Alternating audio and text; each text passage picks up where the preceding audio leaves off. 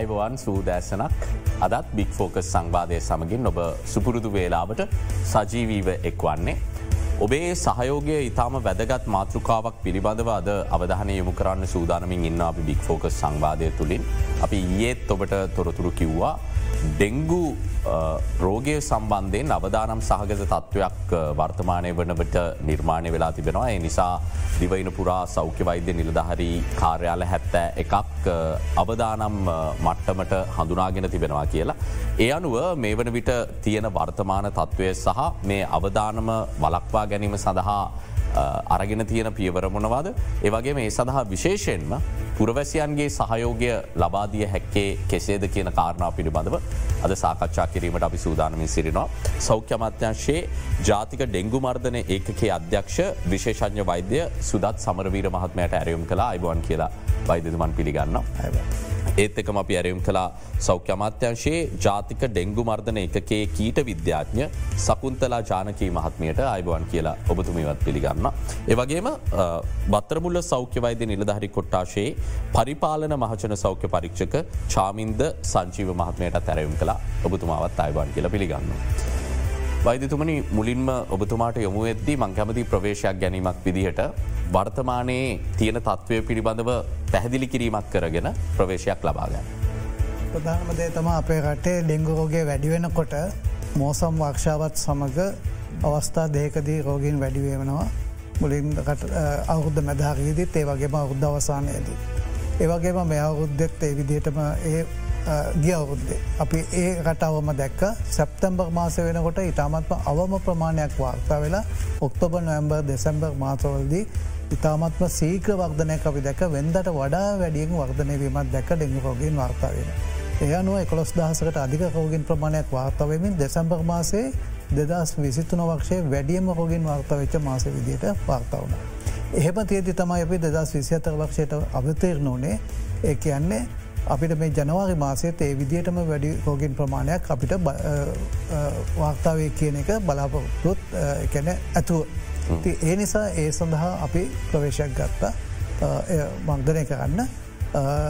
නමුත් මෙතන්දී වැදගත්දේ තම රෝගින් මෙච්චක වාර්තා වනත් ඒවගේ මසුවට දහකට වඩා දස් විස්තුන වක්ෂයේදී වාර්තා වුණ. අපිට මගනවාර්තා වනේ පනස්සටක් විතරයි. ඒ ගත්තාම දෙදස් එක වක්ෂය සිට මේ දක්වා වාර්තා වෙච්ච අවම මගන අනුපාතිකය. අව මගන අනුපාතිකයක් කිව්වේ හෝගින් සිය දෙනෙකුට හෝගේ වැල්දුනත් කීදනෙක් මැගෙනවද කියන එක. ඒ අතින් අපේ තියෙන්නේ අවම අනුපාතිකයක් අපි වාර්තා වෙන්නේ දෙදස් විස්තුන වක්ෂය එකට අපි විශේෂයම ස්තුතිවන්ත වෙන්න ඕන. අපේ වෛද්‍ය කණ්ඩායමට රෝහල් වල දෙකට පස්සේ අඩුම මරණ අඩුම මගන වක්තාව තියෙන්නේ.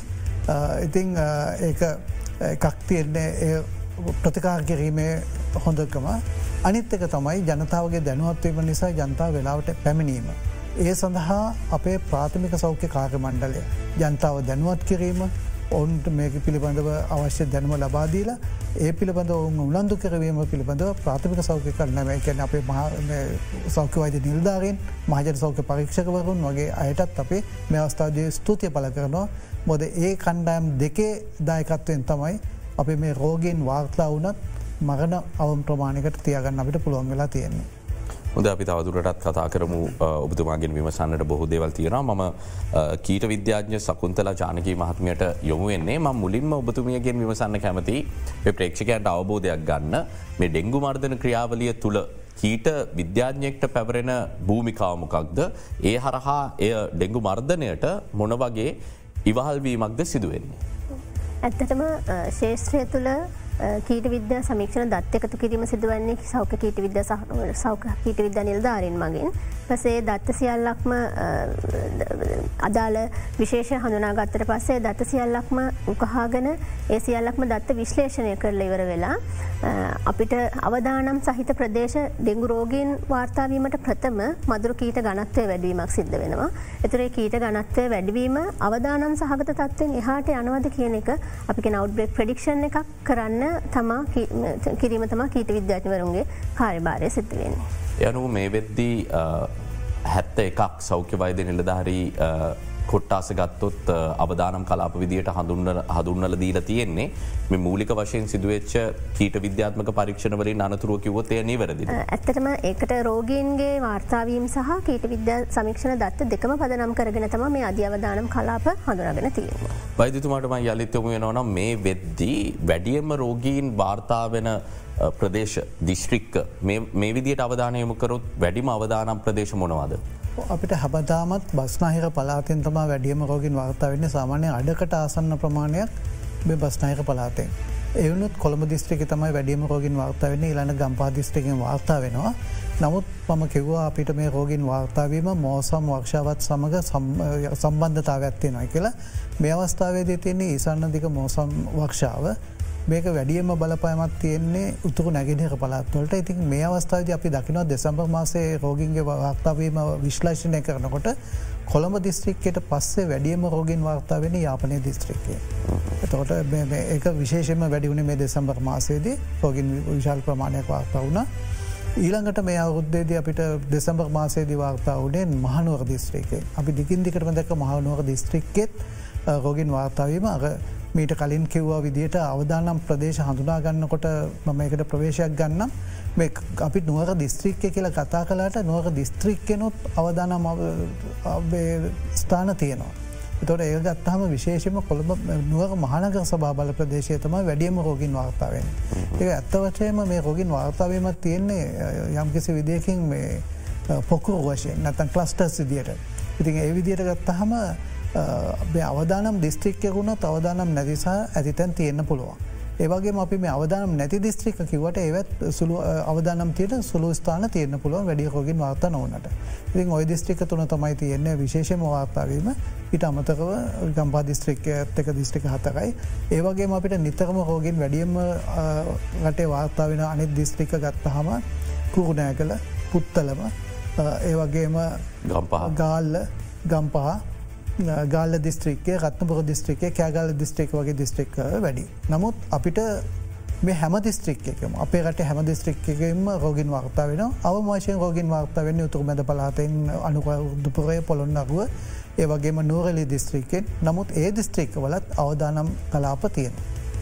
සකුත්තල චානකි මහත්මිය දැන් මේ විදියට මදුරු ගනත්වය වැඩි තත්ත්වයකට එන්න ඒ ප්‍රදේශවල පොදු ලක්ෂණ තියෙනවද මොනහරි මේ ඩෙංගු ව්‍යාප්තියට හිත කර ලක්ෂණ ගත්තම. ඇත්තටම දැන් අපි ඔක්තම් අගෝස්ත සත්තම ගත්තම අපේ රටේ දැඩි දිය නියගයක් තිබුණ නියග කාලයක් තිබුණ ඊට පස්ස තම වර්ෂාව පටන් ගත හැබැයි මේ මෙවර තිපිච්ච වර්ෂාවේ ඒ අපි ගත්තු පැටන් එක හරිම වෙනස් ආකාරයෙන් තමා තියෙන්නේ. වෙනදට එක දිකට වර්ෂාපතනයක් ඇති වෙලා ඉටවස ආය දැඩිවියලි කාලගුණයක් ඒ විදිර නමුත් මේ කාල ගත්තහම නිතර නිතර වර්ෂාව ඇති වෙනවා. ඇතර කොහොමත්ම මදුරන් බෝවන ස්ථාන අපි සැලකුවොත් එහෙම තාමත් අපේ රටේ සියට විස්සත් තිහත් අතර ප්‍රමාණයක් ඉවතලන භාජන අපි තාවකාලිකව ඉවත් කරපු අයිතම වගේ දේවල් වල තම මදුරු කීටන් බෝ වෙලා හමු වෙලා තියෙන. එතකොට මේ වර්ෂාව සහිත කාලගුණයක් එක්ක අපිට අපේ දැනුවත්වීම තියෙනවා මහ ජනතාවගේ දැනුවත් පත්තිම තින කවරුත් දන්න කොඩා ළමයක් දන්න පොඩි යෝගට කෝපයක් විසි කල තිබුණත් මේක මදුර බෝ වෙනවා කියනක. නමුත් අපි දැනුවත් භාවය තිබුණ වනාට ඒ දේවල් අපි විසින් අයින් කරන්න නැති එකකට පුරුද්දක් වශයෙන් නැති නිසා තමා අපේ මේ ඉවතලන භාජන සහිතමල තාමත් දෙංගු මදුර කීටන් බෝවෙන අවස් අවධානවක් තියෙන. උතුරමැද වගේ පලාතක මේ අඩුවම වාර්තාාවන්න මොනාහරි හඳුනාගත්ත විද්‍යාත්මක හේතුවත්තින අඩුවම වාර්තාාවන්න කිවේ උතුරමැද පලාතෙන් මේ වෙද අවධානම අඩු දිස්ත්‍රික්කයක් විදිට හඳුනාගන්න පුළුවන් උතුරමැද පලාතගත්ත පලාතගත්ත එකට හේතුවක් තියෙනවාදගත්තහම ඇත්තරම ලංකාවට බස්නාහිර පලාතගත්තම තෙත් කලාපේට අයිති වෙන්නේ.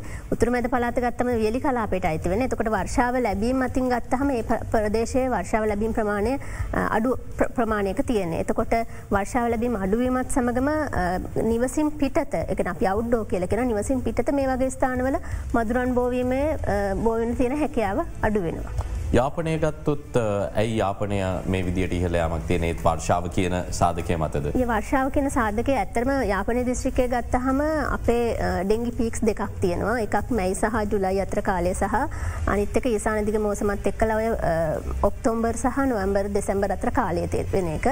එතකොට උතුරු පලාතර වර්ෂාපතනය ලැබෙන ඒසානදික මෝසම් වර්ෂාවත් සමඟ. දරේ මෝසම් වර්ෂාවත් සමඟ තමා මදුරන්ගේ ගනත්තේ හෙළයාමක් සිද්ධ වෙන්නේ උතුරු පලාතෙත්. අප දැන් පහුගිය දෙසැම්බර් මාසේ උතුරු පලාත තුළ දෙසැම්බර් දහටේදනොත් විශේෂ මදුරමාර්ධන වැඩසටහන් කීපයක් සිද්ධ වුණා. ඒ හැම වැඩසටහනකදිම ඇත්තම උතුරු පලාත ගත්තොත් එහෙම අපි උතුරු පලාතේ පරිශ්්‍ර පරීක්ෂාවක් එක නිවාසවලට අමතරව රාජ්‍ය ආයතන විශ්වවිද්‍යාල පරිශ්ෂ පාසැල් මේ වගේ විශේෂිත පරිශ්වර්ග පරීක්ෂා කිරීමේදී ඒ පරිශ්ෂ දර්ශකගයන් ගත්තම සියයට සීයක් හැම පරික්ෂයක්ම මදුරන් බෝ වූ ස්ථාන හමු වෙලා තියෙනවා. බෝවිම්ට අවධාන ස්ථාන ඕන තරම් තියෙන නමුත් බෝ ස්ථාන තමා සියට සීයක්ම හමු වෙලා තියෙන. අපි නිවාස දත්ත සැලකුත් එහෙම යාපනය දිස්ත්‍රික්කය තුළ නිවාසවලින් සිට විසිපාක වගේ ප්‍රමාණයක මදුරුකීටයන් බෝවූච්ච නිවාස ප්‍රමාණයක් හමුවන. නමුත් බස්නාහිර පලාත ගත්තම මේ දත්ත චුට්ටක් අපිට වෙනස් වෙන බස්නාහිර පලාත තුළ නිවාස ආශ්‍රිතව සියට දහයත් පහලවත් අතර ප්‍රමාණයක තම මදුරුකීටන් බෝවෙන ස්ථානපට හමුවන්නේ. හැබැයි රාජ ආයතන පෞද්ගලික ආයතන පාසල් බස් ඩිපෝ එතකොට පොදු ආයතන ගත්තහම ඒ හැම එකකම මේ අවස්ථාව වෙන විට මදුරු කීට ගනත් මදුරුවන් බෝවන ස්ථාන සහිත ස්ථාන තමා හැම පරිශ්යක් තුළම අපිට දක්නට ලැබෙන. ද චාමින්ද සංජීව මහත්මය මේ සිදු කරන සියලූ විද්‍යාත්මක පරීක්ෂණවලින් අනතුරුව භූමියයේ ඒ පරීක්ෂණ මත පදනම් වෙලා කොහොමද මේ ඩෙංගු මර්ධනයට සක්‍රියව ඒ දැනුම යොදා ගන්නේ කියන කාරණාව ඔබතුමා තුමාල විසින් තමයි සිදු කරන්න. මේ ගතවෙච ඔක්ටෝබර් නොවම්බ ඩිසෙම්බ කියර මාස තුනේ මොනවගේ පියවරද අනුගමනය කරේ අනුව සහ එහිදී මොනවගේ දේවල්ද නිරීක්ෂණය වුණේ. අපි ඇතරම මහජන සෞඛ්‍ය පරීක්ෂකරුන්ගේ මූලික කාර්යභාරය වෙන්නේ රෝග මර්ධන කටයුතු. ඉතින් අපිට ඇත්තටම උදේ ඕනම වෙලාවක අපේ අලුත් තාක්ෂණය භාවිතා කරලා රෝගින් වාර්තාව නිසනම් කොළ කෑල්ලක් එන්න දවස් හතර පහක් යනවා බෝන් රෝග නිවේදන පත්‍රයන්න. නමුත් දැම් වෙබ් එක වෙබ් ඩෙන්සිස් කෙල්ල වෙබ් සයිට් එකත්තිනවා ඒකින් ඒ මොහොතේ සැක සහිත රෝගෙන අපිට දැනුවත් කරනවා. එතු අප මාජන සෞඛ්‍ය පරිශකරුන්ගේ කාරිභාරය තමයි රෝගය වාර්තාව වහම ශේත්‍රයට ගිහිල්ලා ඒ විමර්ශණය කරන්න ඕනේ. විමර්ශණය කල්ලිවෙරලා රෝගයට හේතුව රෝග කොහෙන්ද පැතිරුණේ මේක ඇතුළේ වන එකද නැත්තම් පිට තැනකින් හදාගත්තද සහ මෙතන මේ රෝග පැතිරල යන්න ඉඩක් තියනවද මේ මොකද ගොඩක්ලට වසංගත පැතිරෙන් එක රෝගගේ කාම එකට අවශ්‍ය කටයුතු කෙරුන්න තුනාම එක්කෙන දෙන්න තුන්දනා ආදි වශයගේල පොකුරක් ඇදවර්ස සැලකිව වගේ ඒක පාලනය කිරීම තමයි මූලික කටයුත්ත වෙන්නේ. ඉදි අර මිස්කිවගේ අපිට බස්නහර පලාත ගත්තාම රාජ්‍ය ආයතන වැඩි ඊළඟට දියුණු වෙලා තියන ප්‍රදේශ තියන ගොඩ බිල්ඩින් හැදෙනවා කන්ස්ක්ෂන් සයිට් තියෙනවා ඉතින් මේ හැම තැනකම් වගේ රෝගින් මේ රෝගින් උත්වාර්තා වෙන බෝන ස්ථාන විශාල වශයෙන් තියෙනවා. මහජත සෞක පරිචක් කරන්න අපට ඉන්න හැම සෞඛ්‍ය වෛද්‍ය නිධාරී කොට්ටාශයකම වෙනම ඩෙංගු මර්ධනයට බඳවගත්ත කණ්ඩායමක්. අපි වාර්ෂික වැඩ පිළිවෙලක් අනුව ඒයගෙත් සහයෝග අරගෙන පිචයි මහත් ඇත් පිල් එකට ගිහිල්ල අපි බලනව ලෙඩා ආස්ට කරගෙන ලෙඩාගේ වටේ තියන ගෙවල්ලොල සහ පරිශ්්‍රවල මදුරුව බෝයන අවධානමත් තින තැන් මොනාද කියලා. ඒ ඩෙගු මර්ධනයට බඳවාගෙන තියෙන විශේෂ කණ්ඩායම භාෂික පදනමක් මද බදවාගන්න කොටස් දෙකක් ඉන්න ඉස්සිරෝ බඳව ගත්ත කණ්ඩායමකුත් ඉන්නවා. තවත් කණ්ඩායමක් ඉන්නවා. කොන්ත්‍රත් පදනමින් බඳවතින් මතන ඒයටත් සේව ස්තීර වෙයි ළඟම දෙගු මර්ධන ඒකෙන් එකට වැඩි පරිශ්‍රමයක් දන ගොළඟත් ස්තිර බඳව ගන්න. මොකද අවාර්ෂිකව මේක කීප වාරයක්ම දැන් අවුරදු ගානකින්දලා නැවත නැවත නැවත නැවත මේ වසංගත තත්වය වැඩිවෙන තත්වයක් තිනිතින් ඒයාගේ දායකත්වයත් මේකට ලබාදීම ඉතාම වටිනවා. හොදයි තවදුරට ඔබතුමට ගුලා පැදිකර ඉන්න අනතුරුව මේ අයගිහිල්ලා ඊට පස්සේ යොමු වෙන ක්‍රියාමාර්ගයමකක්ද.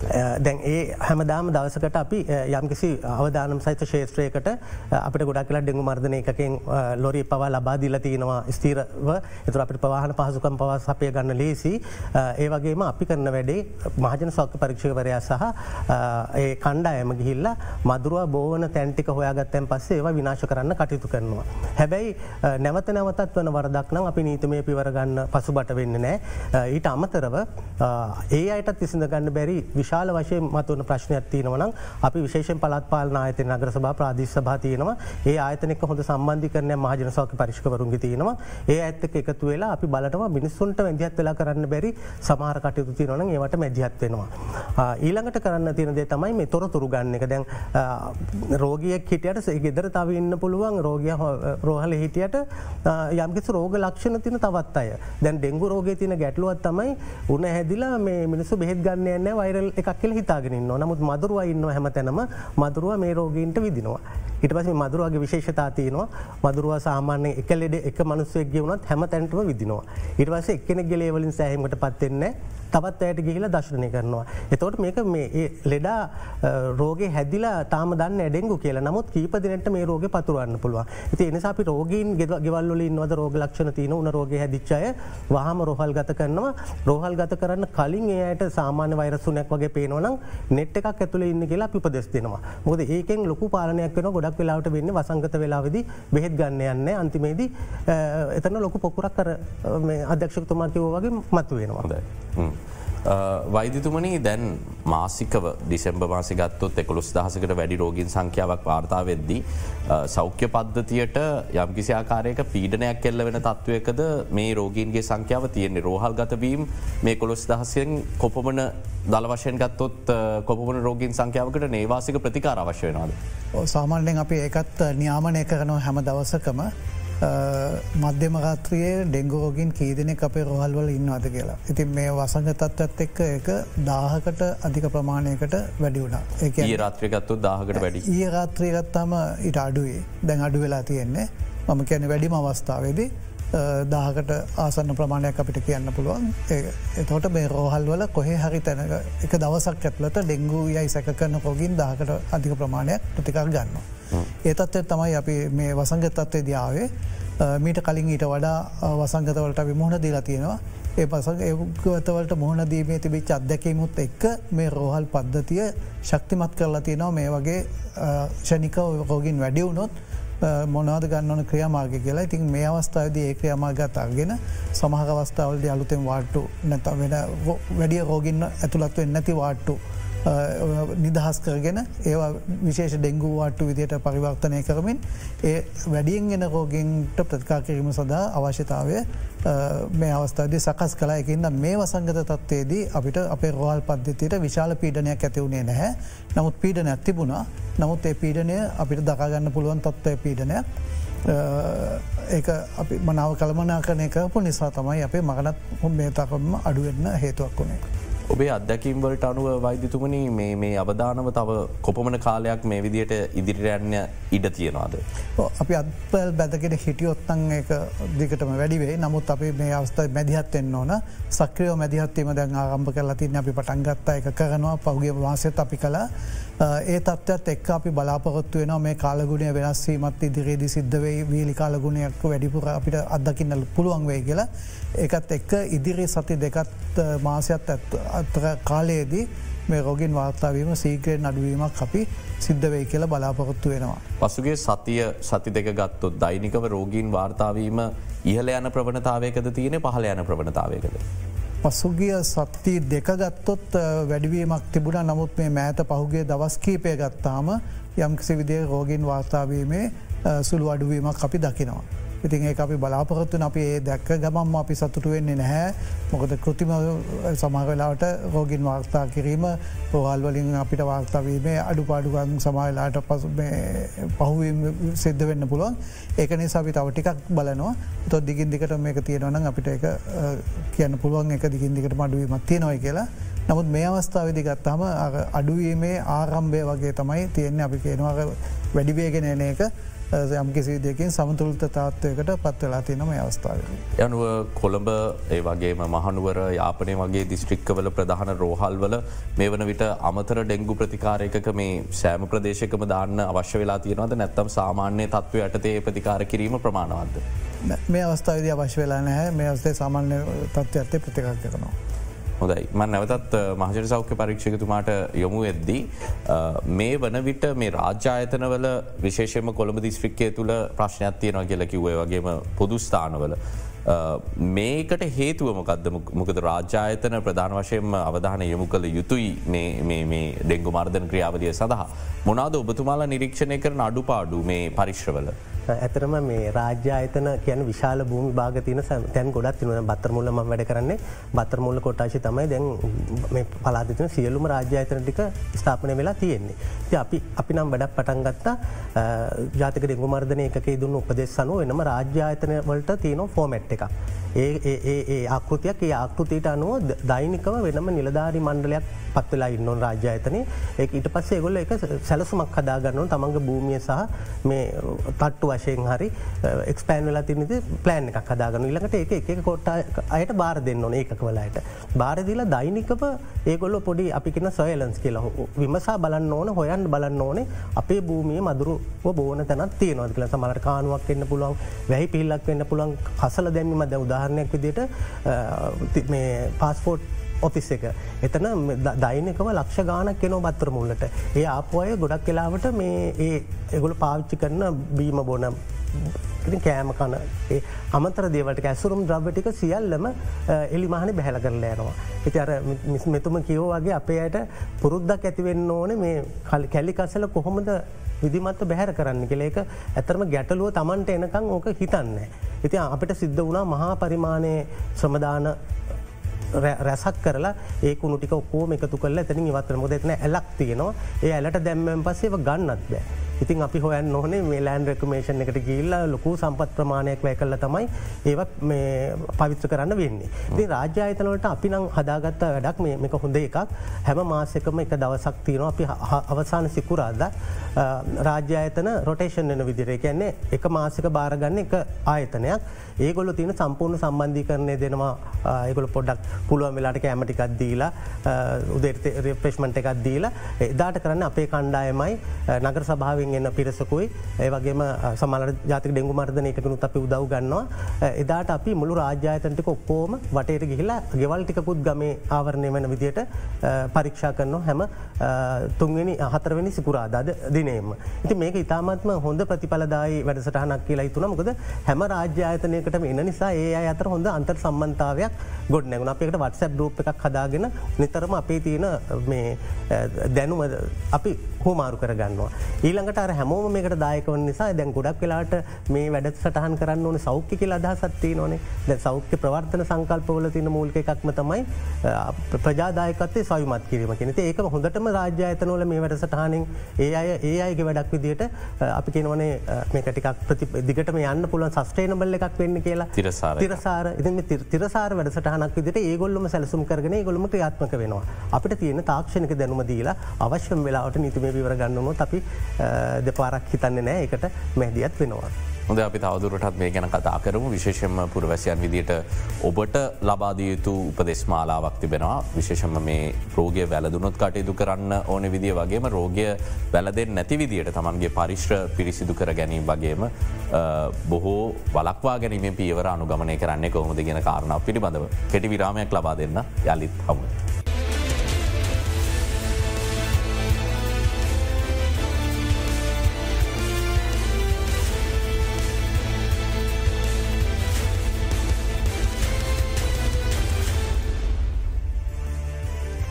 අපි ඩෙංගු මර්ධන ව්‍යාපාරය පිළිබඳව සාකච්ඡා කරමින් සිරින්නේ. ඔබේ වගකී මොකක්ද පිළිබඳව අවධානය යොමු කරන්නට අපි සූදානම් සෞඛ්‍ය අමත්‍යංශයේ ජාතික ඩෙංගු මර්ධන එකේ කීට විද්‍යාඥ සකුද්දලා චානකී මහත්මයට මං විරාමෙන් අනතුරුව යොමු වෙන්නේ. බොහෝ දෙනෙක් මේ මම් ප්‍රශ්නය විමසන්න යන කාරණා පිළිබඳව ඉන්නේ බොහොම විවාධාත්මක තත්වයක මේ දූමායනය කියන කාරණ. බෝ දෙනෙක් හිතනවා මගේ ප්‍රදේශයේ බොහෝ රෝගීන් වාර්තා වෙනවා නමුත් කිසිම කෙනෙක් ඇවිල දූමායන කටයුතු කළේ නෑ කියන චෝදනවත් සමහරලාට එල්ල වෙන. කොහොමද දූමායනය කරද්දි විද්‍යාත්මකව ඒ කළ යුතු ප්‍රදේශය තෝරා ගන්නේ ඒ සම්බඳින් පැහැදිලි කර ගැනීමක් කර ගැනින් වැදගත් කියල විශ්වාස කරනවා. ඕ ඇත්තටම ඩෙංගු රෝගයේදී මං දූමානය පැත්තට එන්න කලින් විනාඩියක් කතා කරන්න. දූමා ඇතර ඩෙංගු මදුරගේ ජීවන ශක්‍රය ගත්ත හම අවධි හතරක් තියෙනවා. සුහුඹුල් මදුරුවා බිත්තර කීටය සහ පිළවා කියන අවධි හතරක් තියෙනවා. එතනින් බිත්තර කීටය පිළවා කියන අවධි තුනම ගත කරන්න ජලය තුළ. එතොට මේ සුහුඹුල් මදුරුවා විතරයි බාහිර පරිසරය ජීවත්වවෙන්නේ. එතොට අපි දූමායනය කිරීමේදී බලාපොරොත්තු වෙන්න තොර සුහුඹුල් මදුරුවන් විනාශ කිරීම. නමුත් දූමායනය ප්‍රධාන කාරය තමා වෛරසය ආසාධනය වෙච්ච සුහුඹුල් මදුරුවන් විනාශ කිරීම.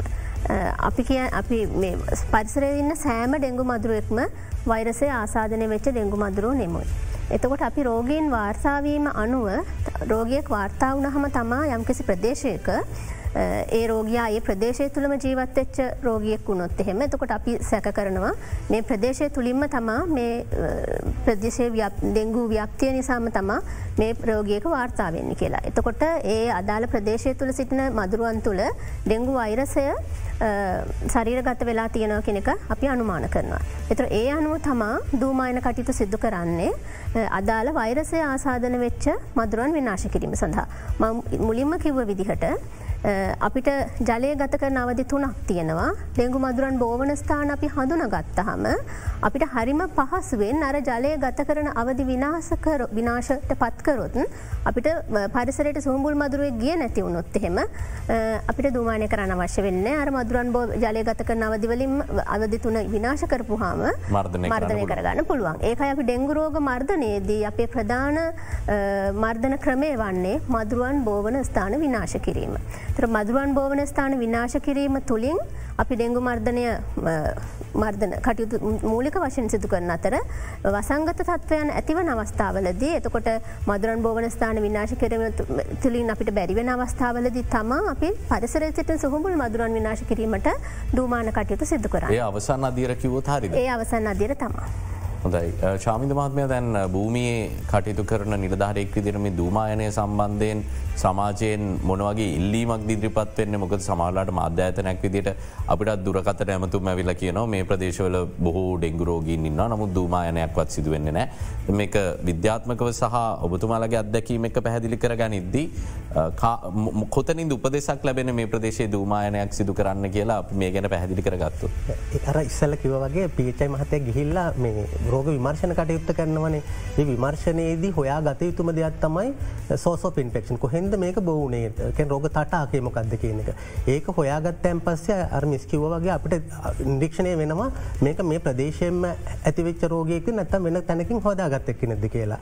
අපට දැන් රෝගින් දෙන්න තුදනෙක වාර්තා වෙන අපේ අර පොඩි ස්පොට් මැප් එකක් අපි මේන්ටෙන් කරනවා ඒකෙන් අපිට හොයාගන්න පුළුවන් මේ ලෙඩා මේ ප්‍රදේශයෙන්ම අපක් කෙනෙක් කියලා. ඒ අනුව තමයි අපි තීරණය කරන්න දූමාන කටයුත්ත මොකද ඒ වෙලාවේ ආසධිත මදුරු ගොඩක් හිටියොත් අපිට මේක වසංගතයක් විදිට ඒ ප්‍රදේශය මේක පැතිරෙන්න්න පුළුවන්. ඒක වලක්වා ගැනීම අරමුණෙන් තම ඇතරම මේ දුමායන කටයුත්ත කරන්න ඕනේ. මේක ඉතින් පොඩි පාඩු ගොඩත්ති නොන එකක් තමයි රටට අමාරු මොහොතක විශාල මුදලක් වැය කරන්න ඕන මිනිස්ත්‍රමයක් වැය කරන්න ඕන. එකට පෙටල් ඩීසල් විශාල ප්‍රමාණය කාශන කෙමිකල් ගොඩක් ගන. ඊළඟ එක තමයි මේක සමහල්ලාට මේ දුමායනය කරද්දි ඒ ප්‍රදේශය මාවරණය කරගන්නත් බැරිවි. එක අපි ඇත්තරම මිනිස්සුබගේ මතේ තියන මදුරු අඩු කරන්නේ මදුරු අඩු කරන්න දුමායන කරල හරියන්න නෑ ඒක ගිහිල්ලයිට පස පේරගෙඩී පව ඕක පොඩ්ඩක් ගෑවෙනවනේ. කණබොන කෑමෝල්ට එකතු වෙන වතුරවලට එකතු වෙන්න පුළුවන්. අපි ඒවට ගොඩක් ආරක්ෂිත ක්‍රමවේද අනුගමනය කල එනවසකත් කරලා හෙම තමයි මේක කරන්නේ.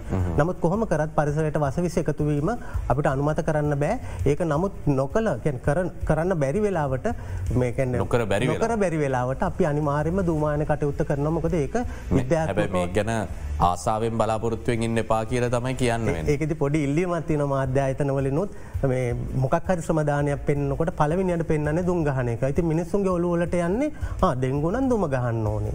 දැඒක තමයි දැන් රූපයක් තිබත් පෝස්්‍රයක් මාධ්‍යාතනකින් දැම මාධ්‍යාත්න දෝෂරෝපන ඇන්නෙමේ පුළුවන් තරන් අර මදුරුව ඊට වඩා හරි වටිනෝ යෝගට කෝපයක් වතුරටි අනි පැතර හරුණු පෙන්න්න එක.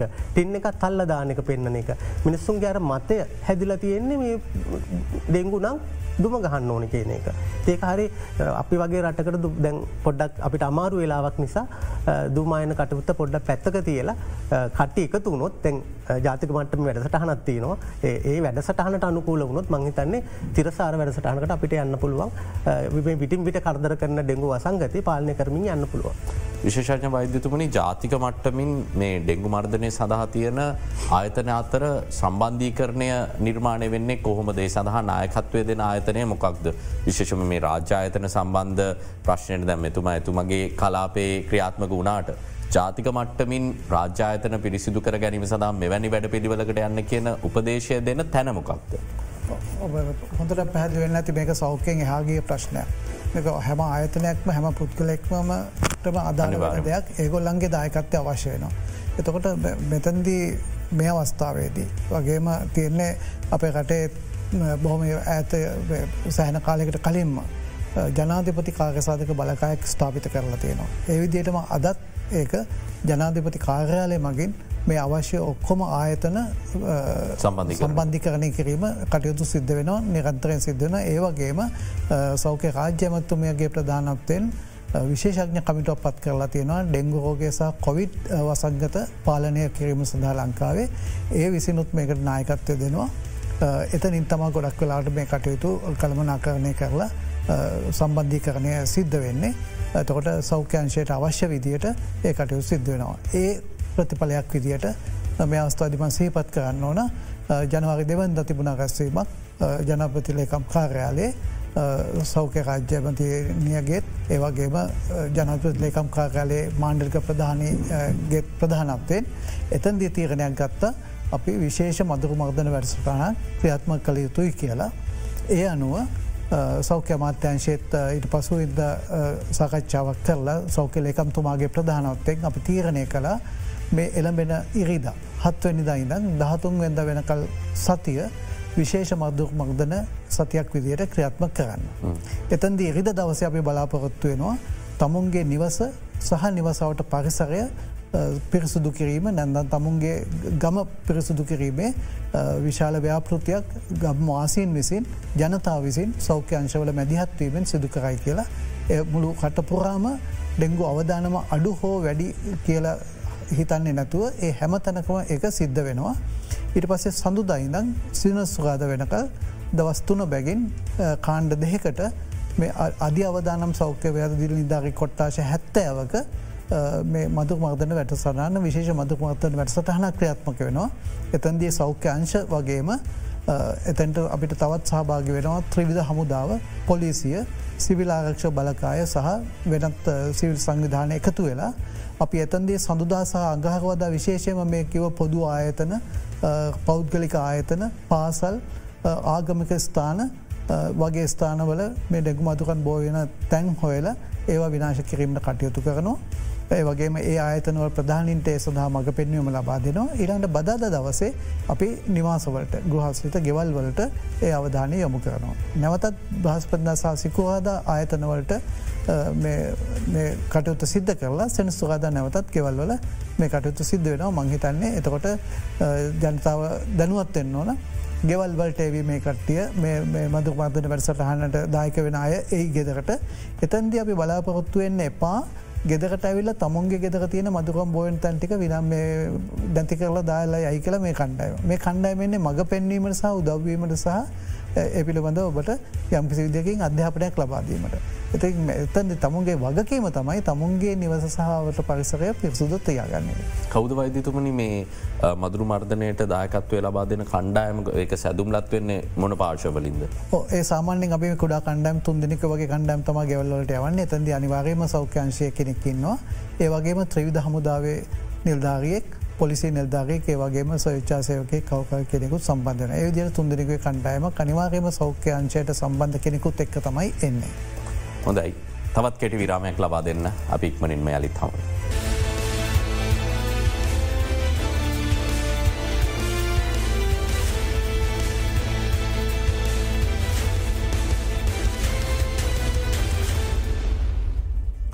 යළිත් බික් ෆෝකස් වෛදතුමනි අපි කතාකරොත් යම් කිසි ආකාරයක රෝග ලක්ෂණ තියෙන කෙනෙකුට ලබා දෙන උපදෙස් සම්බන්ධයෙන්. බොහෝ විට අපි බල්ලනවා මේකට වෛද්‍ය ප්‍රතිකාර අවශ්‍ය නැතුව සමනය වෙයිද කියලා යම්තාක් දුරකට කොයි තරම් උන රෝගී ලක්ෂණාවත්. මේ ඩෙංගු අවධානම තියෙන අවස්ථාවක අපි එසේ සිටීම හරිද අපි මේ ගැන කතා කළු. පලවෙන්න කාරණය තමයි මේ ඩෙංගෝගේ ගත්තාම රෝග ලක්ෂණත් එක්ක එලියට එන්නේ ඩිංගු රෝගේ වැළඳෙනයකින් සුළු ප්‍රතිශතයක් විතරයි. සාමාන්‍යෙන් පහකට එක්කෙනෙක් විතර වගේ තමයි ඒ විදියට එන්නේ. තොට තවත් විශාල ප්‍රමාණයක් ඉන්නවා රෝග ලක්ෂණ නැතු හරි සුළු රෝග ලක්ෂණක තියෙන.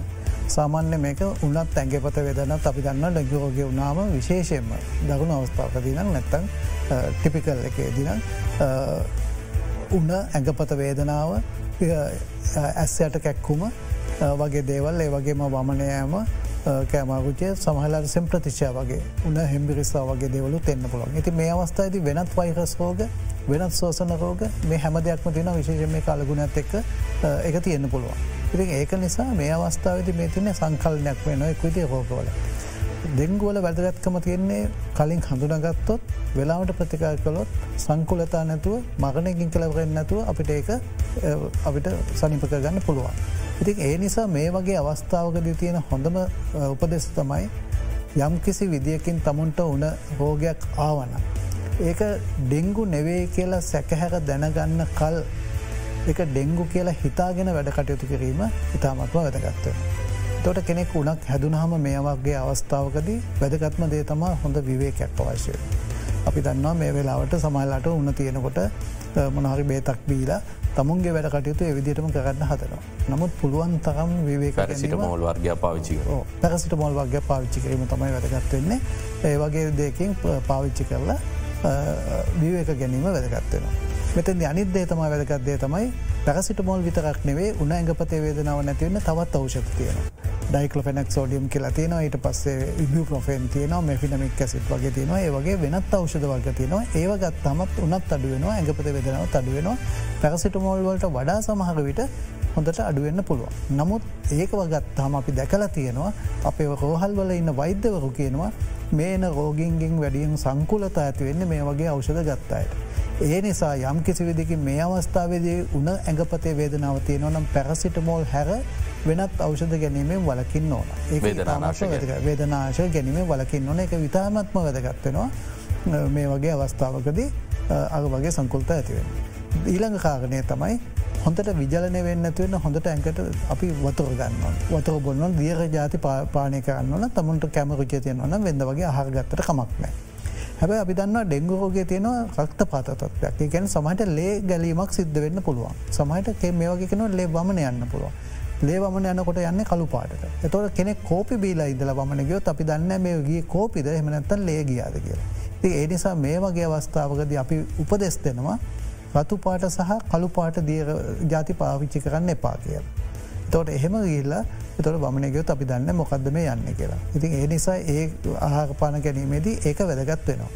ඊළඟ කාගනය තමයි කෙනෙකුට දවස් දෙකට වඩා උන තියෙනවනම් ගෙදර අත්බේත් කර ඉන්න නැතුව අනිවාර්යම වෛදවරෙක් හම්බෙල වෛද්‍යවරගේ උපදෙස් ලබාගන්න. එතකට වෛද්‍යවරයට පුළුවන්ගෙන අවශ්‍ය පරීක්ෂණ කරලා මේ ඩෙංගුද නැද්ද කියලා සැකහර දැනගන්න.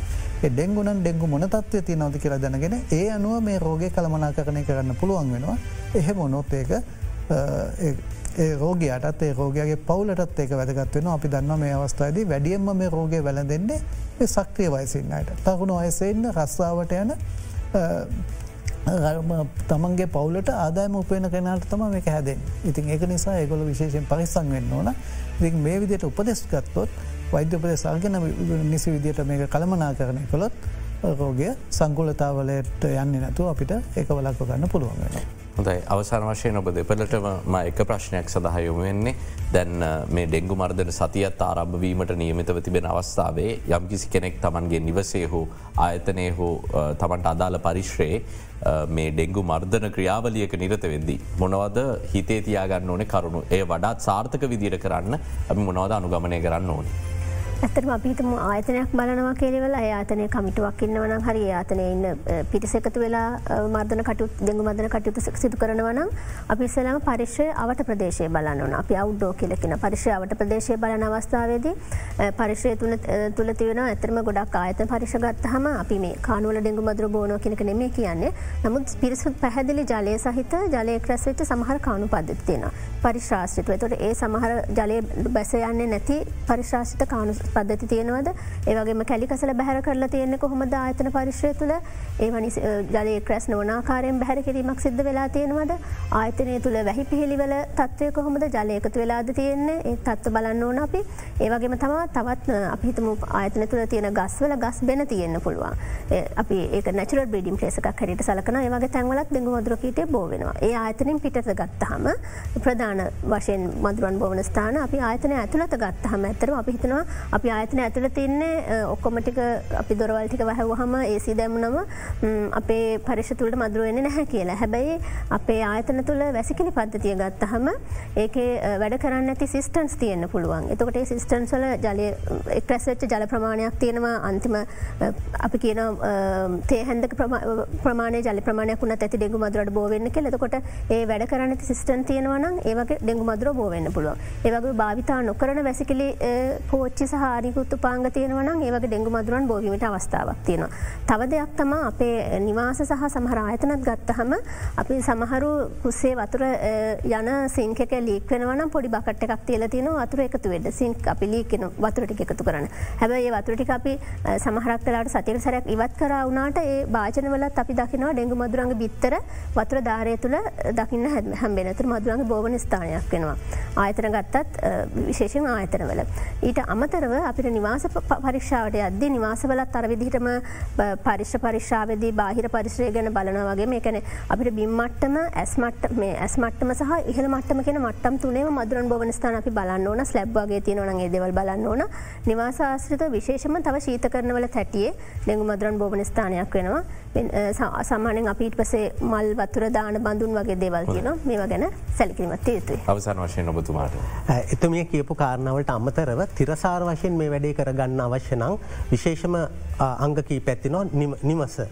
ඊළඟට පාසල පාසල් නිමාර්දිල තිබුණට පාසල පන්සල් ඇතුළු ආගම කිස්ථාන පල්ලි කෝවිල් ඒ වගේ ඊට අමතරව කන්ස්ට්‍රක්ෂන් සයිට් එකැන ඉදිකිරින් පරිශ්‍ර සහ ආයතන රජයේ සහ පුද්ගලික ආයතන. මෙන්න මේ හැම තැනකම තියෙනවා පෝකල් පොයින්් එකක්. කෞද මේක කරන්න ඕනේ? කොහොමද කරන්න කියෙන සැලස්ම හදාගෙන අලුතෙන් හදන්න ඕන්නෑ පාසලනම් පාසල් සෞඛ ප්‍රවර්ධන කමිටුව. පන්සලේ නම් දාම් පාසල තියනවා. ඒ වගේම දායක සබවන්න ඒ වගේ වගකීම බාරගන්න පුළුවන් කණ්ඩෑමක්කි නොයකන හැම තැනකම ඒ අය වගකීම අරගෙන දිගුකාලීන වෙන වැඩසටහනක් අදගත්තාම තිරසාරෝ මේ වැඩේ කරගන්න පුළුවන්කම සහයෝගම ලැබෙනවා. ොදයි බෙහිවින්ම ස්තුතිවන්තය නව සෞඛ්‍ය අමත්‍යංශයේ ජාතික ඩෙංගු මර්ධනයකේ විශේෂඥ වෛද්‍ය සුදත් සමර වීර මහත්මයට අධ්‍යක්ෂතුමා ඇතුමා ජාතික ඩෙංගු මර්ධනයකේ. ඒ වගේම එහි කීට විද්‍යාඥ සකුන්තලා ජානකී මහත්මයටත් බෙහිවින්ම ස්තුති. ඒවගේම බත්තරමුල සෞඛ්‍යවයිද නිලධහරී කොට්ටාසේ පරිපාලන මහජන සෞඛ්‍ය පරීක්ෂක චාමින්ද සංජීව මහත්මයටත් බෙහිවින්ම ස්තුතිවන්ත වෙනවා. ඒ සමගින් අදට අපි බික් ෆෝකස් සංවාධයෙන් සමුගන්න එටත් හමයමු සුපුරුදු වේලාවට සුබදින්න.